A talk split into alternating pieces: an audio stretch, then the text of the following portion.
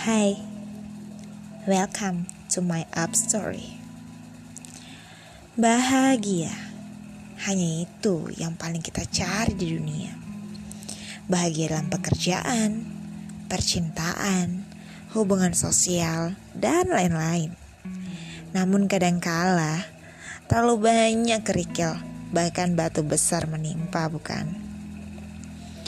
Mendengar dari perjuangan dan setiap pengalaman, membuka pintu pikiran.